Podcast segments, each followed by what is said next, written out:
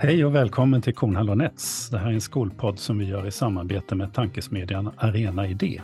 Och vi, det är Ingela Nets som är skolledare, utredare och utbildare. Stämmer inte det Ingela? Ja, och utvecklare och lite diverse. Faktiskt inte skolledare just nu. Det är, är du inte längre? Nej. Nej. Men du har varit? Jajamän. Ja. Och jag heter ju Per Kornhall och jag är oberoende expert och författare. Jag är också ordförande för Läromedelsförfattarna, bland annat. Vi gör ju den här podden helt ideellt. Och det är ganska viktigt för oss. Eh, det innebär att vi pratar med personer vi vill prata med. Inte, vi har inga ekonomiska, liksom ekonomisk vinning på något sätt av att göra den här podden och sånt. Och det tycker vi är viktigt. Mm. För det gör att vi pratar med dem vi själva tycker är spännande och, och, och vi gör det. Det blir lustdrivet och det är roligt. Mm. Men, och det är fantastiskt roligt det här. Att få prata med, med de här människorna som kan så mycket, som vill så mycket och som har så stort engagemang. Det är hemskt roligt. Eh, idag har vi dock ingen gäst. Eh, idag tänkte vi faktiskt prata helt själva, eh, som någon sorts reflektion kring det kommande valet kanske och vad som händer i skolsverige. Absolut, vi är ju också intressanta, passionerade och drivna människor. ja, prata för dig själv. Ja. ja. Nej men så är det ju, vi, och det, det, så är det ju alltid när vi, när, både när vi planerar våra avsnitt och vilka gäster vi vill bjuda och, och innan vi sätter igång inspelningen och sådär, att du och jag har ofta ganska mycket att prata om eh, mm. som rör skolan för att vi som sagt är passionerat intresserade. Eh, men du, vi pratar valet då. Ja. ja när, vi, när vi spelar in det här så är det ungefär eh, vad är det då, en och en halv vecka kvar till valet. Mm. Mm. Och vi hoppas att det här kan komma ut innan. Eller ja, men målet exakt. att det ska Precis. Mm. Så, så vad säger du? Vad är din, din, dina intryck? Sådär? tänker valet, vad, vad, vad far i ditt huvud? Ja, men det finns ju liksom olika lager. På någon sorts all, allmänt plan så känner jag mig orolig över att det i, i de mätningar som görs nu ser ut att bli precis så där jämnt och osäkert som det nu har varit eh, tidigare också mellan blocken. Eh, vilket ju gör att man börjar fundera på vad, kom, vad händer sen? Liksom, blir det någon sorts bara total eh, så här stillestånd eh, medan det ska eh, käbblas och diskuteras och liksom eh, dras i varandra åt olika håll och kanter så. Ehm, för jag tycker inte riktigt att Sverige har råd att stå still i ett antal frågor just nu. Um, för att det, världsläget ser ut som det gör och det behövs en, en, ett ledarskap som på något vis också har, har ett tydligt mandat. Oavsett egentligen Um, vilken, nej, det ska jag inte säga oavsett vilken typ av ledarskap det blir, för det tänker jag vara helt öppen med att jag absolut inte önskar mig uh, att Sverigedemokraterna finns med och, och styr det här landet. Uh, jag tycker att vi får bevis på bevis på bevis på att de eh, varken är mogna eh, liksom att, att ta ett statsmannaansvar och att det finns krafter i partiet som, som verkar mot liksom, våra demokratiska grunder. Eh, och det tycker jag är förfärligt. De har inget där att göra. Nej, det är ju inte, det är ju inte länge sedan som, som eh, de inte kunde välja mellan om Putin eller någon annan världsledare var bättre. Nej, alltså, nej. Eh, ja, nej, jag kan ju mm. bara hålla med.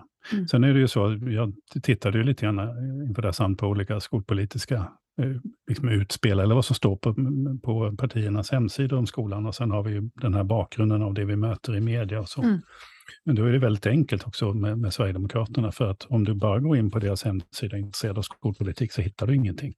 Ingenting? Det, ja, nej, du får verkligen söka mm. aktivt. Men mm. om du bara går in eh, som en ja, allmänintresserad mm. eh, väljare så är det väldigt mm. svårt att hitta in till det. Förutom det att det står återupprätta en kunskapsorienterad skola med ordning och reda. Okej. Okay. Mm. Och, och, där kan man ju i och för sig inleda ett samtal om de här mm. alltså strömningarna. Mm. Vad, vad, är återupprätta? Vad, är, vad, vad, när och hur? Vilken mm. skola vill man återupprätta? Mm. Och när var det så? Och det skulle vara väldigt mm. intressant att veta. För då, då skulle man då kanske ur det kunna kristallisera ut konkreta förslag. Alltså är det 1910, 1930, 1966 eller 1972 eller 1989 eller 2010? Alltså vad är det man ska mm. återupprätta? Mm. Och när var det ordning och reda? Mm. Och, och på varför var det det och så vidare i så mm. fall. Det... Och det här, jag, jag, bara tänker på, för, för det är så lätt jag hör på mig själv hur jag har så lätt att falla in i och bli lite raljant. För att man är så trött på det här liksom bara ordbajseriet som inte betyder någonting. Det finns liksom ingen substans eller, eller man hittar inte ens vad det bygger på. Och jag vet, för vi, apropå det du sa i inledningen, att vi också eh, är väldigt noga med att vi, inte, att vi gör det här ideellt, att vi inte eh, liksom tar emot några marknadsföringspengar eller någonting liksom i, i det här arbetet, utan det samarbete vi har med Tankesmedjan Arena Idé är att det finns en, en, eh, en duktig tekniker som hjälper oss att klippa ihop avsnitten och de presenterar podden i sina sammanhang så att säga. Eh, I övrigt så utövas det inga påtryckningar, men jag vet att när vi tidigt i alltså i vintras någon gång diskuterades det där först, hur, hur ska vi tänka inför valet? Och det är valår och sådär, hur vill vi göra med podden? Och vi hade någon, någon liksom idé i luften om att bjuda in de skolpolitiska talespersonerna för varje parti i riksdagen för att ändå göra någon form av liksom, tråd kring vad, vad vill partierna med skolan. Men, men jag, jag, vet att du sa vid något tillfälle så här, fast jag har ingen lust att bjuda in en person och sen liksom dra ner brallorna på den personen offentligt, eh, när vi pratade om just Sverigedemokraterna. För att, att känslan var att det, det finns liksom för lite kunskap och, och substans och, och ja, verkligt intresse för den komplexa skolan. Och vi var ju rätt överens om att då, vi, vi, då, då bjuder vi inte in. Vi är inte intresserade av det samtalet, mm. för det ger inte oss någonting. Nej. Och, och vi är ju inte journalister, vi Nej. har inget journalistiskt uppdrag. Vi Precis. har ingen arbetsgivare som betalar oss Nej. att ställa eh, svåra frågor. Utan vi vill ju prata med någon som, som, som leder samtalet framåt. Ja. Och då är det faktiskt roligare att prata med politiker efter valrörelsen. Mm. Eller hur? Ja. Mm. Sen kan vi väl säga då i samma veva där, om vi nu ska dela ut lite kängor här, att vi, vi sen i, i maj när, när Johan Persson tillträdde som, som eh, partiledare i Liberalerna har vi faktiskt flera tillfällen skickat en, en fråga och en inbjudan till podden därför att vi, vi är uppriktigt intresserade av eh, Liberalernas skolpolitik, särskilt som man uttrycker att man vill liksom återta den här rollen som skolpartiet. Mm. Eh, men vi har inte fått något svar. Och det kan ju ha massa förklaringar. En är ju naturligtvis att han är oerhört upptagen av att, att försöka hålla sitt parti kvar i, i riksdagen och valrörelsen. Så. Eh, men det är klart att vi tycker att det är lite tråkigt att vi inte fick chansen. Så vi mm, hoppas mm. att vi kan få, få eh, hit honom efter valet. I deras eh, presentation på deras hemsida så finns mm. det ju mm. en, en, del saker. Dels så har de ju alltid ett eh, stående kravet på ett förstatligande av skolan.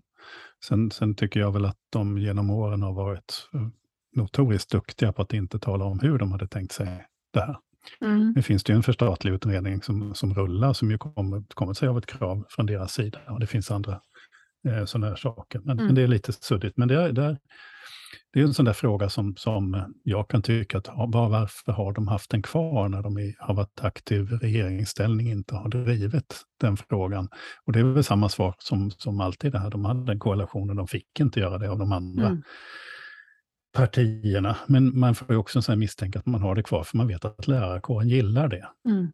Alltså det, är, det är där man måste också hela tiden nu, inför, varför det också känns lite tröttsamt inför, just inför valet, att det känns mm. som att man lyfter frågor eh, som signaler för att försöka peta över några röster hit och dit, mm. mer än egentligen en, en, en, av, liksom en verklig eh, vilja att göra någonting. Men en sak som står i Liberalernas och som också står i Moderaternas och ja, jag vågar inte säga om är mer, men som återkommer är ju är ju att man vill att, att, äh, ska, bar, att barn ska gå om klasser. Just det. verkar vara nu ett... Ja, liksom ett på lågstadiet. Att på man, lågstadiet man, i Liberalerna ja. och, och i andra årskurser för Moderaterna. Mm. Och det där är ju inte, tycker jag, ett led i den här ganska tuffa, liksom, vad ska man säga, aggressiva tonen ner i skolsystemet. Men, Mm. men det stora problemet med det kravet är, är ju att all den forskning jag har läst säger att det är en dålig idé. Mm. Den har inte den effekt man...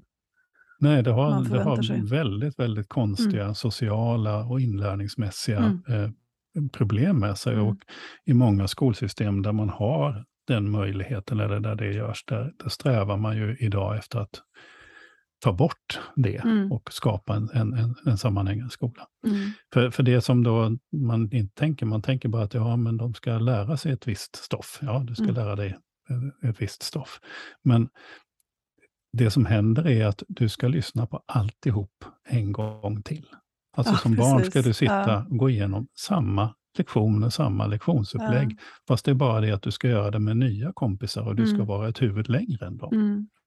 Alltså inlärningsmässigt för den här enskilda eleven så är det inte omsorgsfullt utan det är Nej. faktiskt ganska elakt. Mm. Och det leder till, till, till både in- inlärningsmässiga och, eh, och sociala konsekvenser. Mm. Jag har sånt starkt minne av att jag satt, eh, jag satt i en bildsal i Tyskland, i, i, utanför Kassel en gång, i, eh, i, en, i en klass. Och där satt en kille som då, han hade gått om två år. Mm. Eh, Så han sitter i den där klassen och han är ju bra mycket större än alla Mm. de andra i klassen. Eh, Och så, när lektionen börjar så säger han, idag ska, vi, idag ska vi göra det här, det vet jag. Vi har. Ska man veta att då har ju de också ett system när det var, då på den tiden, jag vet inte hur de har det nu, men då var det liksom otroligt styrt vad man skulle Ja, göra hela tiden. Ja, Man hade en sån ja. detaljläroplan. Ja. Så han visste ju. Han hade gjort det två gånger förut, stackarn. Ja. Alltså de här personliga konsekvenserna av sådana här förslag. Och rent Ja. forskningsmässigt så är det, är det en dålig idé. Är Mm. naturligtvis så fantastiskt mycket bättre att sätta in resurser när barnen går i de här klasserna. Så att lärare har möjlighet att göra det jobb Mm. de ska. Mm. Och det, det, där, det där skulle man ju vilja liksom fördjupa sig i och ställa mot, mot någon sorts, eh, de här liksom ganska progressiva idéerna om någon sorts nästan stadielös skola där det liksom Mm, är väldigt mm. flytande vilken klass och årskurs man går i, utan det är kunskapsutvecklingen som styr liksom, var, var man på något vis får sitt, sitt liksom lärstoff och vad man, vad man, hur mycket man kan ta till sig av kunskaper. Jag, jag tycker en, en, ett sidospår till det är ju, igår jag hade samtal med, med några rektorer där vi pratade om, om det som är på allas också läppar, systematiskt kvalitetsarbete och, och hur, vi, hur vi mäter och vilka analyser vi gör av, av eh, mått och resultat och sådär. Som också var väldigt, den här rektorn var väldigt tydlig i att fast det, alltså, vi, behöver ju, vi behöver ju ha en väldigt liksom långsiktig tanke när vi, även när vi mäter progression. För att vi, vi kanske har tagit steget bort från att, att mäta, liksom, vi mäter alla klasser i, i ettan och så jämför vi med andra ettor på andra skolor. Och så tycker vi att vi får någon sorts bild av verkligheten, vilket är jättemärkligt. Men, men även om vi mäter barnen mot sig själva så att säga i någon sorts progressionstanke så, så är det ju har vi lite för bråttom där. Liksom. Vi är för snabba och vill se att ja, men det vi inte såg i augusti, det vill vi se i oktober. Och ser vi det inte i oktober så måste vi flagga rött. Och så, alltså, lärande är ju liksom inte en, en, en rak linje. Ehm, och det här ställer ju ständigt till det i hur vi, hur vi konstruerar Mm. Det är skolan. ju också de här kraven på att man ska, vi ska ha mätpunkter, som att Mm. eh, liksom, mätningen i sig gör, gör någon skillnad. Mm, mm, Eh, Alltså vi, vi, vi ska ha eh, språktester och, och, Mm. och andra saker. Eh, jag tänker det, på en, ja, en, ja, förlåt, jag tänker bara det, det, det kan ju ha en, en, ett värde om vi också har resurser att sätta in när vi ser Exakt. att det, är, att, vi, att vi, det är någon som liksom inte riktigt är på banan. Ja. För annars så gör det ju ingen skillnad. Om vi bara och då blir, det bara en, ja, då blir det bara en administrativ börda. Ja, och så blir det ett, ett underlag och så blir det både Ja. elever och lärare som känner sig misslyckade. Mm. Eh, Jag tänker på, på dels två tankar. Den ena tanken är ju är en skola i, i, eller hur man jobbade på en skola i Landskrona som jag besökte en gång i tiden, där, där man hade, man följde upp nyanlända elevers lärande. Och där var det bara så att skulle man utgått ifrån kurskraven så blir det bara rött. Alltså det blir bara misslyckat. Mm. Det blir Mm. bara icke godkänt. Mm. Eh, för att de har ingen chans. Man kan Nej. inte komma, du kan inte komma från, från med ett annat språk och sen så klara av skolan i, i, på högstadienivå. Det, det liksom bara inte går. Eh, men vad de gjorde då var att de bröt ner alla de här sakerna i mindre bitar. Mm. Så, att, så att de kunde visa för eleverna mm. att nu ser du, nu har du klarat det här, nu har du mm. grönt på den här mm. biten. Nu mm. tar vi tag i, liksom nästa del. Mm. ska du se att du klarar det också. Och det här är ju den pedagogiska samtalet, den pedagogiska användningen av utvärdering som, som alltid har funnits i skolan. Och det är där mm. vi måste ligga. Det, det, mm. och där finns det problem. Och där, det ligger i linje med det också, tycker jag, de här tonen i, i årets valrörelse om, om repression. Jag tror att det var Erik Nilsson, eh, stats, före detta statssekreteraren hos Anna Ekström, som, som sa att han alldeles idag eller igår eller något sånt där på sociala medier, att han, han tycker att det är så obehagligt att i den här valrörelsen så är segregation och integration handlar bara om att bekämpa gängkriminalitet. Mm. Mm. Uh, och, och liksom vad man gör så. Uh, och det har blivit en väldigt, väldigt tuff ton liksom, mot de andra. Mm. Som om de som bor i Husby eller Rinkeby inte är svenskar. Mm. Utan de ska bli någonting annat och mm. de ska ställas krav och det ska vara det. Och, det, och, och de är potentiella gängkriminella allihop. Mm. Och då tycker jag det är bara så viktigt att en del av det som faktiskt har, som inte syns, och jag hoppas att vi ska kunna prata med, med till exempel Järva skolchef här mm. framöver. För att där har de ju genom utvärderingar, men, och det här är ju ett jätte, jätte, jätteviktig sak, på grund av att man har förflyttat pengar, mm fattat kloka beslut under lång tid i mm. Stockholms mm. stad, så att det finns tillgängliga resurser. Men också en metodik för utvärdering och sätta in stöd och sånt. Mm. Så har man gjort, har gjort en fantastisk resa. Mm. Alltså skolor som låg på 30-40 procent behöriga tidigare, ligger nu på över 70 procent behöriga mm. till gymnasiet. Mm. Eh, och de börjar närma sig vilka skolor, alltså, trots att de då har 97 procent med mm. utländsk bakgrund i skolorna. Vi har så ett gigantiskt problem med i storstäderna med bostadssegregation mm. så börjar skolan där nu återta, i varje fall i Stockholms stad, det kompensatoriska uppdraget på grund av kloka beslut. Mm. Och, att, och där, det är ju det som skapar förändring, mm. inte repression. Det, det, det, är medvetet arbete av engagerade skolmänniskor med mm. tillräckligt resurser att göra skillnad. Mm. Så jag får lite illa av den här hårdheten i, mm. i samtalet hela tiden. Och som att man måste springa längre och längre ut på den grenen. Jag tycker det finns, apropå Liberalernas politik, så finns det också ett, ett, även där ett, en, ett spår som, vi hade ju Jan Jönsson som är socialborgarråd i Stockholm och mm. sitter i Liberalernas partistyrelse som gäst i podden i våras och han, han går ju fram stenhårt med eh, det här att, att, att socialtjänst och skola och an, andra aktörer också, men framförallt socialtjänst och skola måste ha mycket, mycket bättre förutsättningar att, att samverka och samarbeta. Det är också en, en sida av att, att jobba mot, mot uh, gängkriminalitet och rekrytering till gäng och så vidare som, som handlar om att förekomma genom mm. att, att ge uh, unga människor eh, liksom, ramar och kramar och vad man nu ska kalla det tillräckligt tidigt innan det enda möjliga vägvalet blir att, att bli kriminell. Eh, och då måste man skriva om socialtjänstlagen så att skolan blir liksom en faktor som är viktig att jobba med också från socialtjänstens sida. Eh, för vi jobbar ju i motvind därför att regelverket ser ut som det gör. Mm. Och den, den där biten är ju jätteviktig, men den försvinner också tycker jag i, i i det här pajkastandet som pågår så här precis inför valet. Jag såg att han presenterades på en valaffisch som, som gängens värsta fiende. Ja. Jag tycker det var jätteroligt. ja, och han pratade ju om det när vi träffade honom också, det här att, att de här eh, grabbarna på något vis, att han, att han med sin, sin uppenbarelse som en, en, en man som, som inte liksom ser alltså inte ser ut som den typiska machomannen. Han är lång som en skånk och smal. Och, och, och liksom, eh, att, att han på något vis var ofarlig i de här pojkarnas ögon och därmed så, så kunde de också lyssna på honom och han mm. fick, han fick deras förtroende.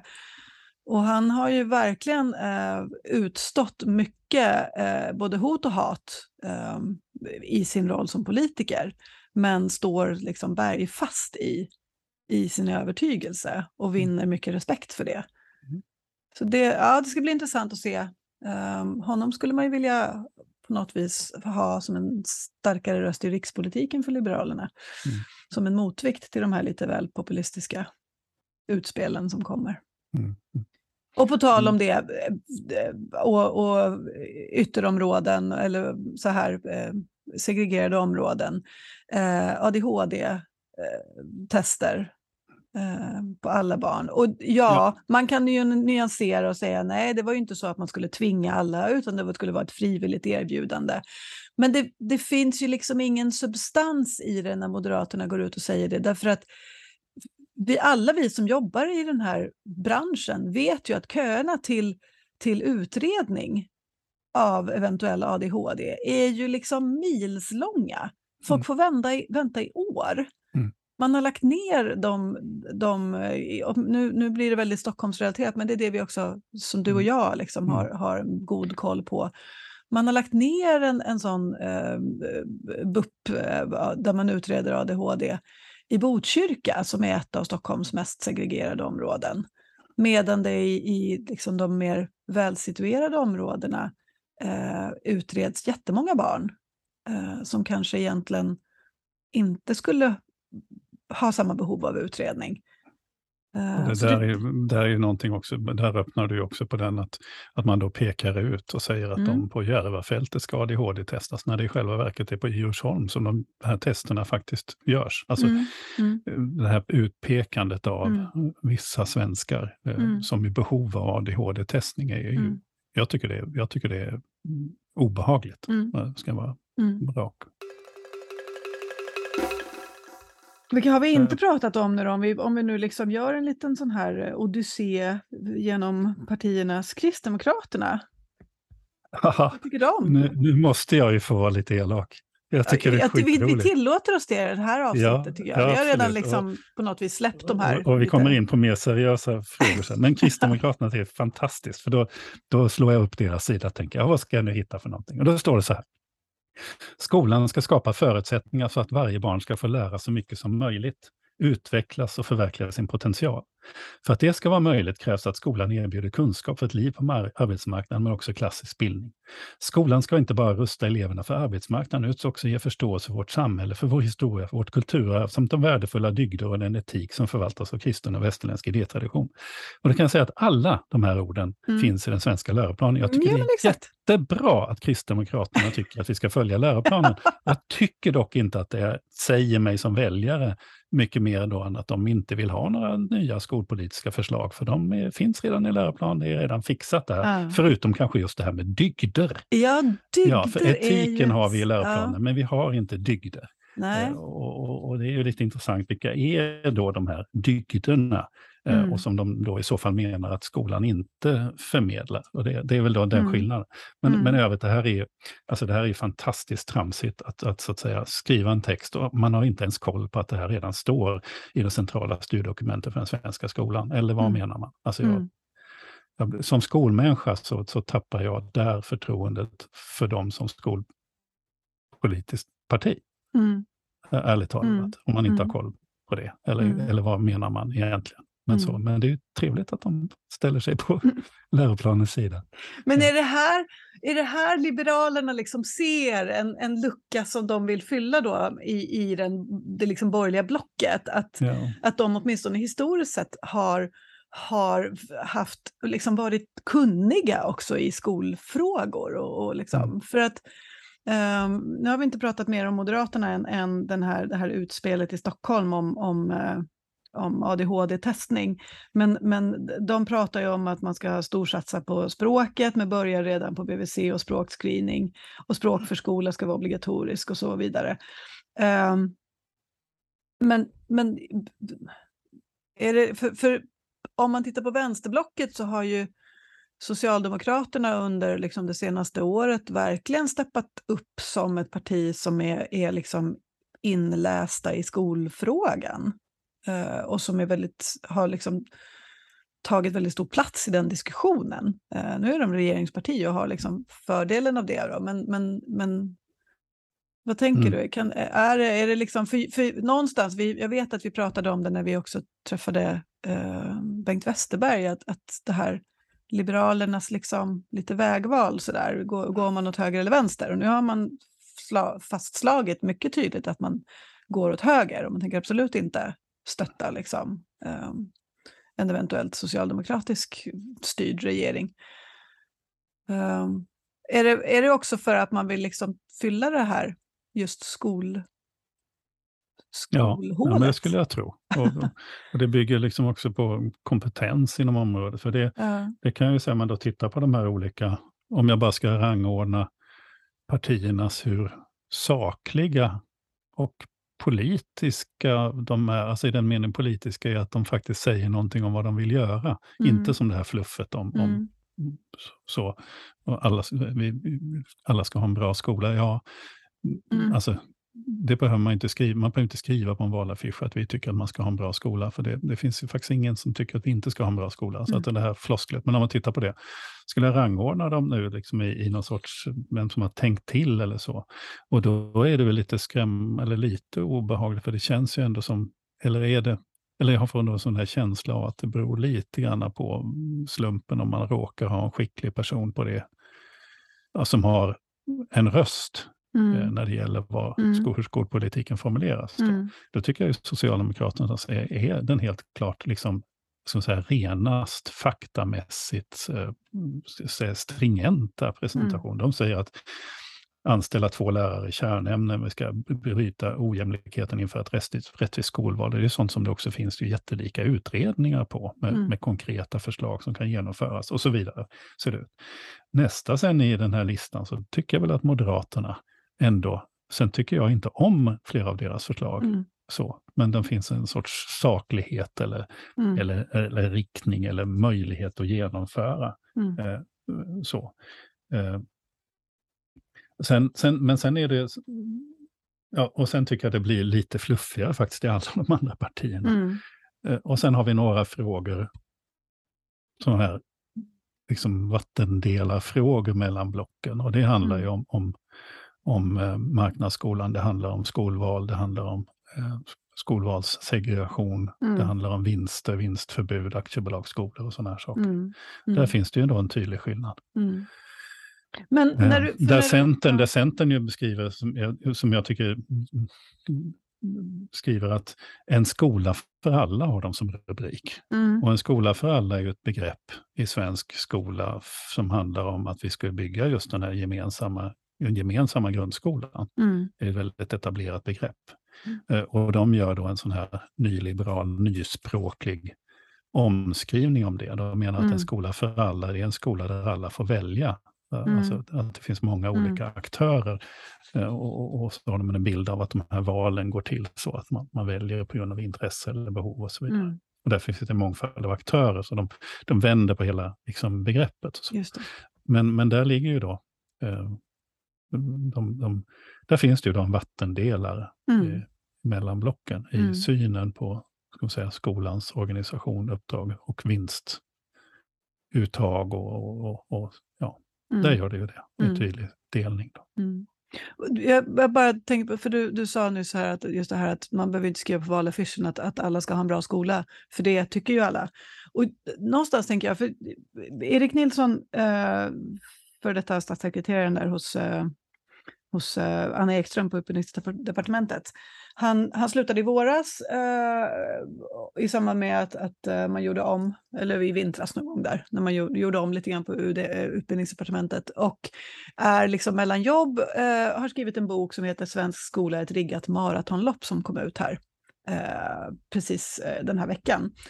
Ehm, han är socialdemokrat, så han har en tydlig liksom, politisk agenda, även om han just nu inte har ett politiskt uppdrag och inte verkar vara intresserad av att komma tillbaka till politiken. Så han är ganska öppenhjärtig med vad han tycker och tänker. Men han skriver eh, någonstans i, i, sin, i sin bok så här.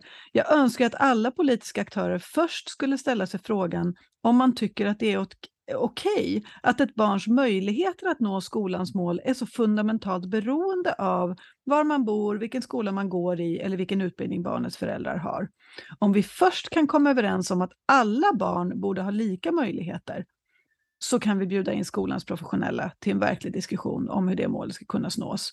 Och jag tänker att vi, det jag hela tiden saknar och som jag naturligtvis aldrig kommer att få, för det är ingen som skulle säga det öppet, är ju liksom att, att samtliga partier ändå någonstans um, är tydliga med vill vi ha en skola som är lika bra för alla? Vill man att alla barn ska ha samma förutsättningar eller vill man göra lite skillnad?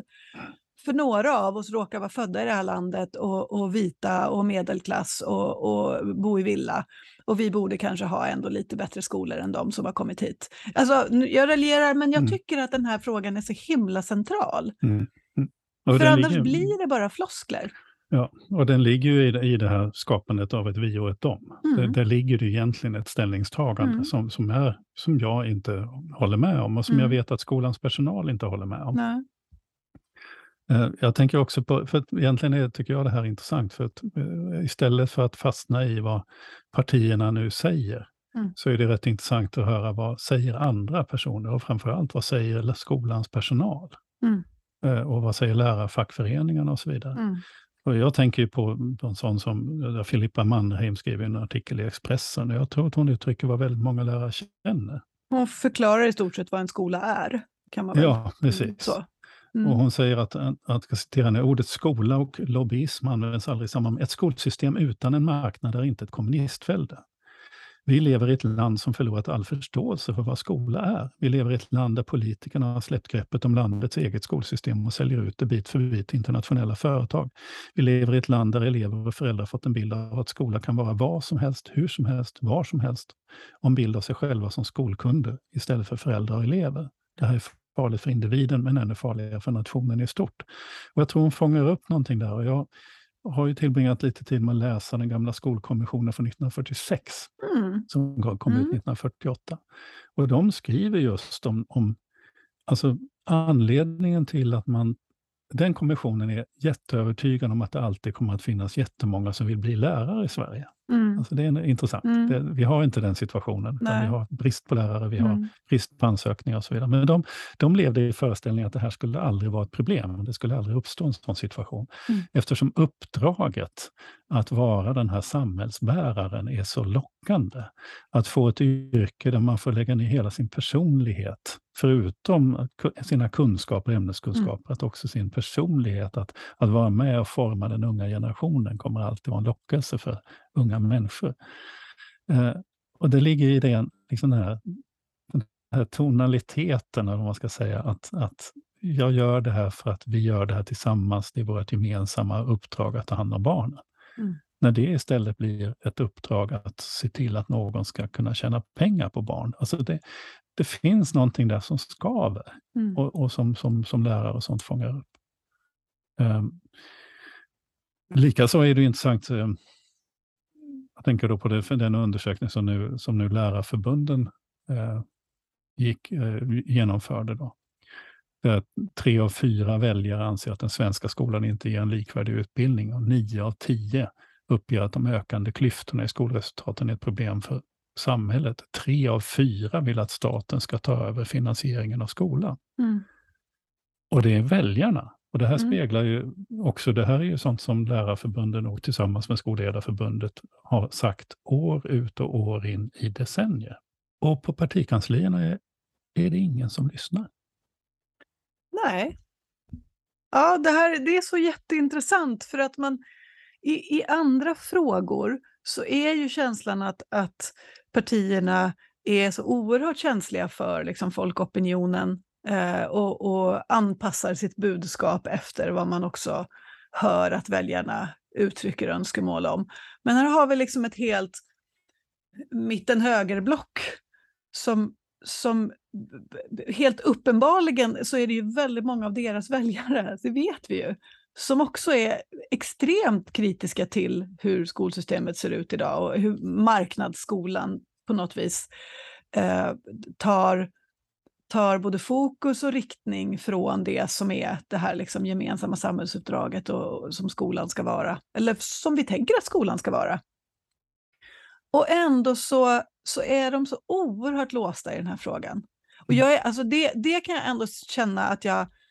Eh, om det är någonting jag ser fram emot ändå eh, dagarna efter valet så är det att jag tror att det kommer att, att, att röra på sig eh, i mitten. Jag hoppas det.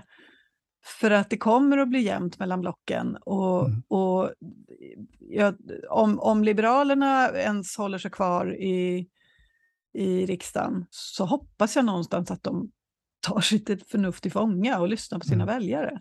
Och likadant kan jag ju säga att Centerpartiet lyssnar på ja. den, de starka rösterna inne mm. bland sina egna medlemmar. För det var ju mm. på ett år att de, att de ändrade en del av sin skolpolitik mm. senaste mm. förbundsstämman. Men mm.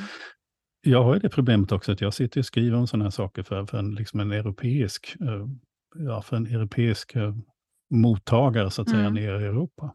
Mm. Nu blir jag tvungen att skriva att Riksrevisionen i Sverige, den oberoende granskande myndigheten, säger att skolpengssystemet inte fungerar. det är någonting som, alltså återigen, skolpengssystemet skapar olikvärdighet. Och så får jag skriva att, att eh, men det finns ingen majoritet i riksdagen för att göra någonting åt det. Jag får skriva då att man nu låter eh, försvarets heter forsknings, eh, vad heter de, de heter något annat, Totalförsvarets forskningsinstitut ja, eller något sånt där, mm. FOI, mm. Eh, ska utreda om, om, om det utländska ägandet. Förhållandena ser ut, ja. Och så ska jag då försöka förklara för dem också att vi har en myndighet som har jobbat i flera veckor för att försöka ta reda på ägandeförhållandet i en av de stora mm. skolkoncernerna. Mm. Alltså det tar flera veckor för flera mm. anställda att försöka ta mm. reda på vem som äger en skola i Sundsvall. Mm. Skulle vi höra alltså det... om det här om, om, alltså, i svensk media om ett land någon annanstans, ja. så skulle vi ju glatt hojta bananrepublik ja. och, och liksom pinsamt och ja. herregud vad håller de på med. Ja. Um, men vi sitter så fast i det här att vi på något vis inte ser galenskaperna. Ja. Ja, och där, alltså apropå nu då, om vi, om vi, vi måste ju ändå vara, vara eh, tillräckligt stringenta här och, och, lyfta vad alla partierna i riksdagen säger. Miljöpartiet och Vänstern har vi inte pratat om. Um, Miljöpartiet är tydliga, och vänstern också, att man vill avskaffa marknadsskolan, man vill förbjuda vinstutdelande aktiebolag att driva skola, säger Miljöpartiet. Ja, ja. och, där, och för Miljöpartiet kan man ju också se spåren av att man har haft en utbildningsminister. Så där är ju också förslagen, ja. alltså bryta skolsegregation, förbättra ja. arbetsmiljön. Det är lite flummigare hur man ska göra det. Sen finns det mm. väldigt tydliga saker, att staten ska ta ett ansvar för resurserna till skolan, det har vi den förstatligande utredningen. Att alla skolor ska ha bemannade skolbibliotek. Mm. Jag menar, där har vi ju både när det gäller läromedel och skolbibliotek så har vi en statlig, två statliga utredningar som mm. gjordes av Fridolin. Och det är mm. också tror jag att det finns en stor politisk samsyn. Det här är mm. väl lite grann också hoppet. Ja. Att, alltså att vissa frågor inte hamnar och blir valrörelse, mm. utan att man kan samla ihop sig kring att ja, alla barn ska ha tillgång mm. till text i skolan, mm. bra pedagogiska texter. Alla barn ska ha tillgång till ett skolbibliotek. Det är ju sånt som faktiskt alla tycker. Eh, problemet är att det inte finns där ute. Sen kan man ju då nämna eh, sådana saker som skolgårdar, där det finns en, en liksom fantastisk olikvärdighet. Eh, mm ingen reglering och ingen utredning. Så vi har, mm. vi har liksom massa saker som behöver göras i ett, man ska säga det vardagliga riksdagsarbetet, att förbättra saker kontinuerligt mm. i samhället, där mm. alla partier och riksdagsledamöter behöver mm. faktiskt arbeta tillsammans för vårt gemensamma bästa. Mm. Så ibland får man vara glad att vissa frågor kanske inte är i valrörelsen, så man slipper positionera sig i dem. Exakt, exakt. Det finns ett litet hopp i det. Mm. Och vad är, alltså om vi på något vis ska försöka lite grann runda av det här eh, val, valdebattssoppan. Eh, eh, ehm, vilket, vad tänker du, vilket är svensk, det svenska skolsystemets absolut största problem? Om det går, alltså försök att och så här isolera ett problem som, som orsakar mest liksom, skada, om vi nu ska om vi är överens om att vi ändå, det finns problem i den svenska skolan? Ja, då tycker inte jag att jag alltså, ska... Det är en sån där journalistisk fråga. Mm, jag vet, jag leker så, lite. Ja. Och, och, och, då så säger jag nej, så kan man inte säga. Så, och då vill jag resonera lite grann mm. och får vi se om jag till slut landar. Men det stora, stora problemet ändå, tycker jag, och som är också för lite uppmärksammat, det är ju ändå faktiskt lärarbristen. Mm. Men lärarbristen beror ju på att yrket inte är så lockande av olika anledningar. Mm. Ehm, och det, det, kan man då titta in på hur lönestrukturer, hur arbetsförhållandena förändras, men också att skolan i sig har blivit någonting annat än den här centrala institutionen. Och då landar man lite grann i att det är ändå finansieringen grundläggande så måste ju förutsättningarna för varje klassrum vara rimliga i förhållande till den uppgift man har och det, den utmaning man har. Och där måste ju staten, menar jag, kliva in. Och mm. Där tror jag också det finns, det är ju allt fler partier som, som landar i det. Så att någonstans måste vi komma överens om ett statligt finansieringssystem för skolan. Alltså det, det tror jag kommer, men frågan är hur lång tid det tar. Mm. Och sen har vi den här frågan om, om skolvalets eh, orättvisa systemen i skolval med kö, att man har olika system för kommunala skolor och friskolor. Eh, och sen kopplat till det, då har vi finansiering, då har vi skolpengssystemet som river och sliter i, i finansieringsfrågorna, bygger på elevantal istället för de kostnader som skolor faktiskt har i verkligheten. Mm. Uh, så att alltså det blir ju en, det finns ju en hel liksom, ja, rad av saker ja, det som blir faktiskt behöver åtgärdas. Och det blir ett kedjeresonemang saker där saker och ting hänger ja. ihop också. Mm. Uh, och, och sen, sen, tycker jag personligen då att, att, uh, att vi har vinstutdelande, jag tycker inte vinst, vinst är inget problem mm. naturligtvis, mm. alltså, om det går med överskott, men frågan är vad man använder de här skattemedlen mm. till. Mm. Och att ha vinstmotivet, att ha ha skolor som drivs under aktiebolagslagen där, där vinsten är den enda egentligen moraliska riktlinjen, om man ska säga så. Mm. Immoraliska riktlinjen är att man ska mm. dela ut vinst. Mm. Eh, det tycker jag man borde sätta stopp för eh, och ta den kostnaden, eventuella kostnaden för det. Och där... det är ett så från skolan och från samhället skilt incitament. Mm. Uh. Och där är det också en utredning på gång. Mm. Det, är ju, det är ju tur att det görs så mycket utredningar, för vi får ju ja. hela tiden spännande människor ja. att prata med. Eh, Johan Ernestam, eh, som är utredare på Lärarförbundet just nu, har ju fått, och som också var med i likvärdighetsutredningen, visst var det så? Mm. Som, mm. som expert. Eh, han har fått i uppdrag nu att, att utreda hur vinstutdelningen i skolan kan stoppas. Uh, och han kliver på sitt uppdrag precis i dagarna här. Uh, vi hoppas att, att vi kan ha någon som gäst ganska snart, för att det är, en, det är en lång utredning. Och som han sa, det kan ju beroende på valresultatet så kan det komma nya kompletterande direktiv eller det kan vara så att hela den här utredningen slopas helt eh, med ett annat valresultat och en annan regeringsbildning än den vi har nu. Um, men, men det som jag tycker är spännande där, för det är ju att Ann-Marie Paulsson som vi också har haft som gäst, det blir många referenser till bra avsnitt tidigare som vi tycker att ni ska gå tillbaka och lyssna på om ni inte redan har hört dem. Eh, hon landade ju sin utredning om att det inte är realistiskt att att, att liksom stoppa vinsterna därför att staten skulle bli stämd på oerhört mycket pengar av de här företagen som då skulle hävda att de kom, liksom, förlorar, förlorar vinst i sina bolag. Um, men i somras så hade DN en artikel om det här, det var när, när Ernestam fick sitt uppdrag. Och då gjorde man en jämförelse för att någon, någon har nämnt siffran 20 miljarder som eh, liksom någon sorts värdering av de här stora koncernerna. Vad är de liksom värda, så att säga? Och vad skulle det i så fall, vilka pengar skulle det handla om?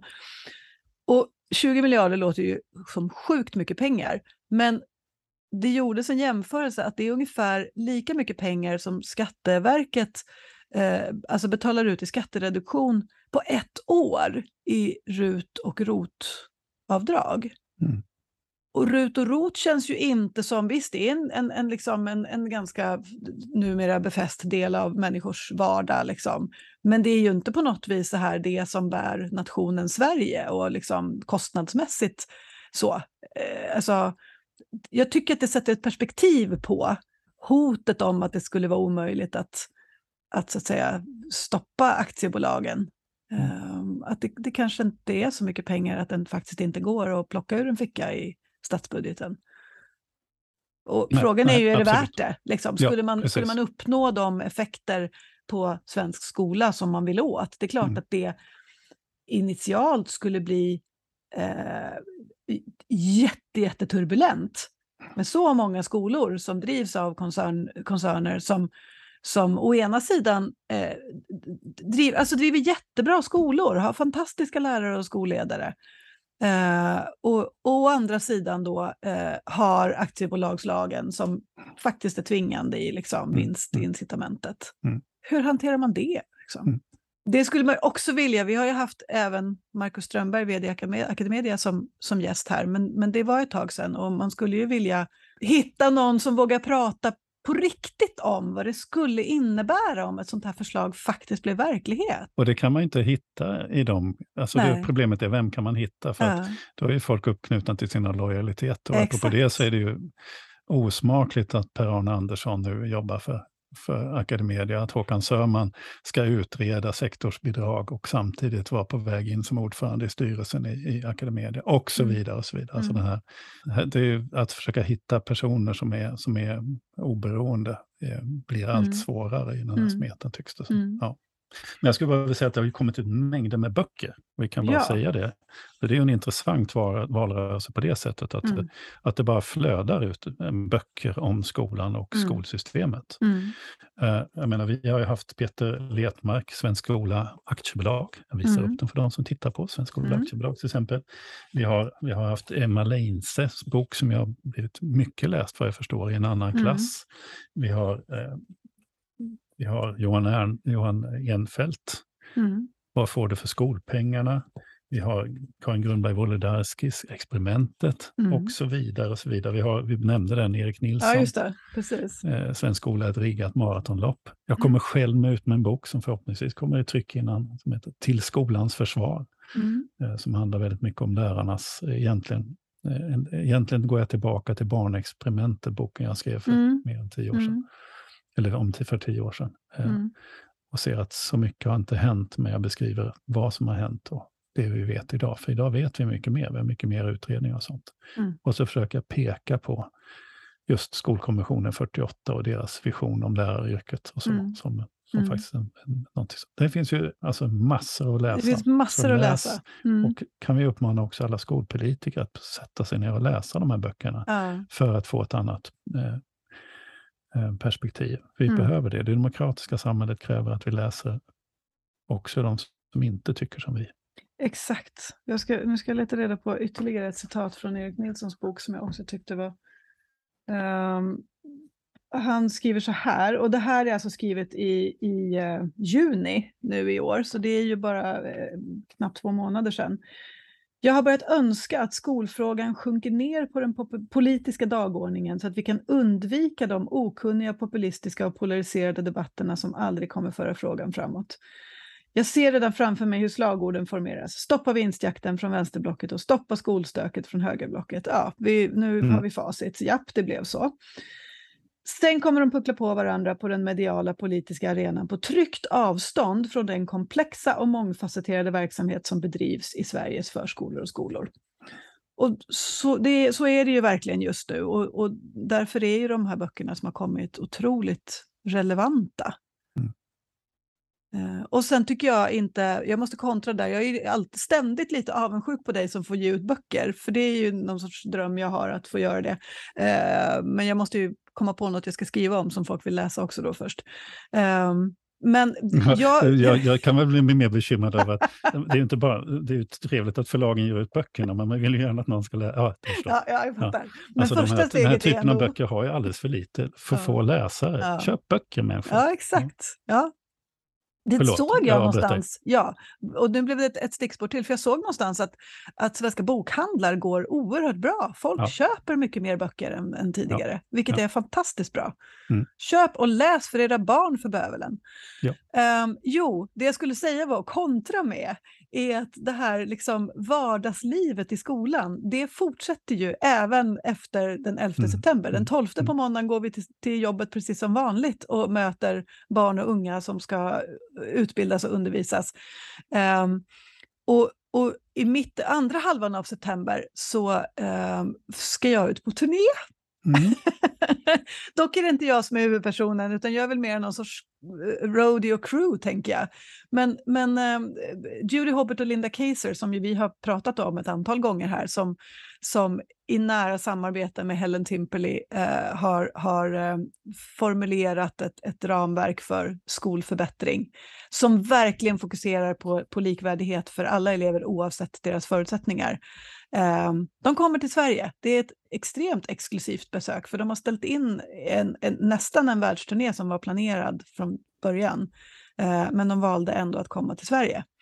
Eh, så vi kommer att, bevista några platser i Sverige och bjuda in till, eller bjuder in till eh, att möta dem. Vilket jag känner blir liksom höstens riktiga höjdpunkt för min del. Mm. Det ska bli fantastiskt roligt. Ja, det är ju, de har ju skrivit väldigt, väldigt bra saker. Mm. Och ja, jag har ju varit på föreläsningar också med dem mm. och vi har ju pratat med dem och så. Mm. Får, får, vi, när vi ändå är inne på det här personliga reklamavsnittet här då, får, får jag göra reklam för en sak till? Ja. Eh, det är ett väldigt, väldigt roligt projekt som jag kom ut med Herregud, nu är det en bok till som han ja, har gett ut. Ja, precis. Det. Ja, ja. och jag, jag är på väg att få ett kontrakt för nästa bok, återigen, efter nästa. Men, men den här boken var att skriva Naturligt ledarskap, vad evolutionen kan lära oss om ledarskap i skolan. Mm. Det här var så roligt. Därför jag hittade kopplingar mellan antropologisk och etnologisk litteratur om ledarskap i, bland naturfolk och, och så, och, mm. och, det som kallas evolutionärt ledarskap och till exempel Christian Herberts forskning. Mm. Mm. Alltså som ju också hämtar mycket kunskap från alltså, ursprungsbefolkningarnas ja, exakt, visdom exakt. i Kanada. Ja, mm. exakt. Men att det finns en, eh, så att säga, någonting i oss, mm. det finns saker vi kan lära oss om vad, vad ledarskap är överhuvudtaget, mm. biologiskt, och vad, är, vad det är evolutionärt och hur det har sett ut hos naturfolk. Och då vill jag säga både det att det finns saker vi kan lära oss som är bra, men det är också där vad vi ska faktiskt vara försiktiga med. Mm. Därför att det här är inte, det som är naturligt är varken bra eller dåligt. Det är ganska naturligt för människan att kriga till exempel, men det. det. är inte särskilt bra idé. Nej. Vilket ju nu en massa människor i Ukraina och massa mm. unga pojkar från från Ryssland och Ukraina blev väldigt, väldigt mm. påtagligt medvetna mm. om att vi mm. faktiskt skulle behöva hålla de här idiotkrafterna i oss i schack. Mm. Så, så att det är en, det är en balansgång mellan de här mm. sakerna. Men det var hemskt roligt att skriva om det här. Ja, det förstår jag. Och som jag, jag tror kan vara stöd för rektorer ja. och, och ja, lärare. Vi ska återkomma till den här boken, tänker jag. jag. Jag väntar fortfarande på mitt ex. Oj då, har jag inte skickat det än? Nej, upprörande. Ja, faktiskt... när jag har läst den ska vi prata Skammens om den podden också. Ja. Ja. Mm. Jag lägger det på lådan idag. Ja, det är bra. Men du Per, ja. eh, nu är vi liksom igång. Det känns skönt efter ett, ett eh, sommaruppehåll att mm. vara igång. Mm. Eh, den här valrörelsen eh, har snart blåst över. då kan vi börja vi, jobba igen. Ja, men exakt. Det, det, det, är ju det är oerhört viktigt med val och den här liksom processen där där de politiska partierna eh, blir tydliga med vad de tycker och vill är förstås jätteviktig för mm. demokratin. Mm. Men det är sen, liksom, i vardagen, som man på något vis också bekänner färg eh, genom att, att, att, leva upp till alla de där löftena och, och, och lite som Erik Nilsson säger kanske, eh, backa tillbaka till och också famnad komplexiteten. Eh, för det är mm. klart att det, inte, det finns liksom inga enkla lösningar på svåra frågor. Men det är klart det, att det går. Och vi kanske har varit lite för raljanta idag, jag vet inte, men det, jag tror det finns en sån trötthet i, i ja. folk. Men, ja. men, att det här är ju allvarliga saker, ta reda på mm. vad partierna står för mm. och om vilka frågor som är viktiga för dig. Mm. Och mm. Verkligen. Läs på och sen så går vi och röstar. Mm. Mm. Och vi, um, vi hörs snart igen. Vi har en lång lista på spännande gäster som vi kommer att prata med under hösten. Och som vi har fått tips från er som lyssnar, vilket vi är jätteglada för. Och några av de tipsen blir verklighet ganska snart. Um, uh, och, och, fortsätt gärna höra av er med, med tips och förslag på personer som ni tycker att vi ska prata med. Och det blir ju som sagt, det blir en, en, en skolvardag igen och den är fylld av guldkorn och viktiga frågor och intressanta människor och resonemang som vi kommer att fortsätta följa och nyfiket eh, utforska framöver.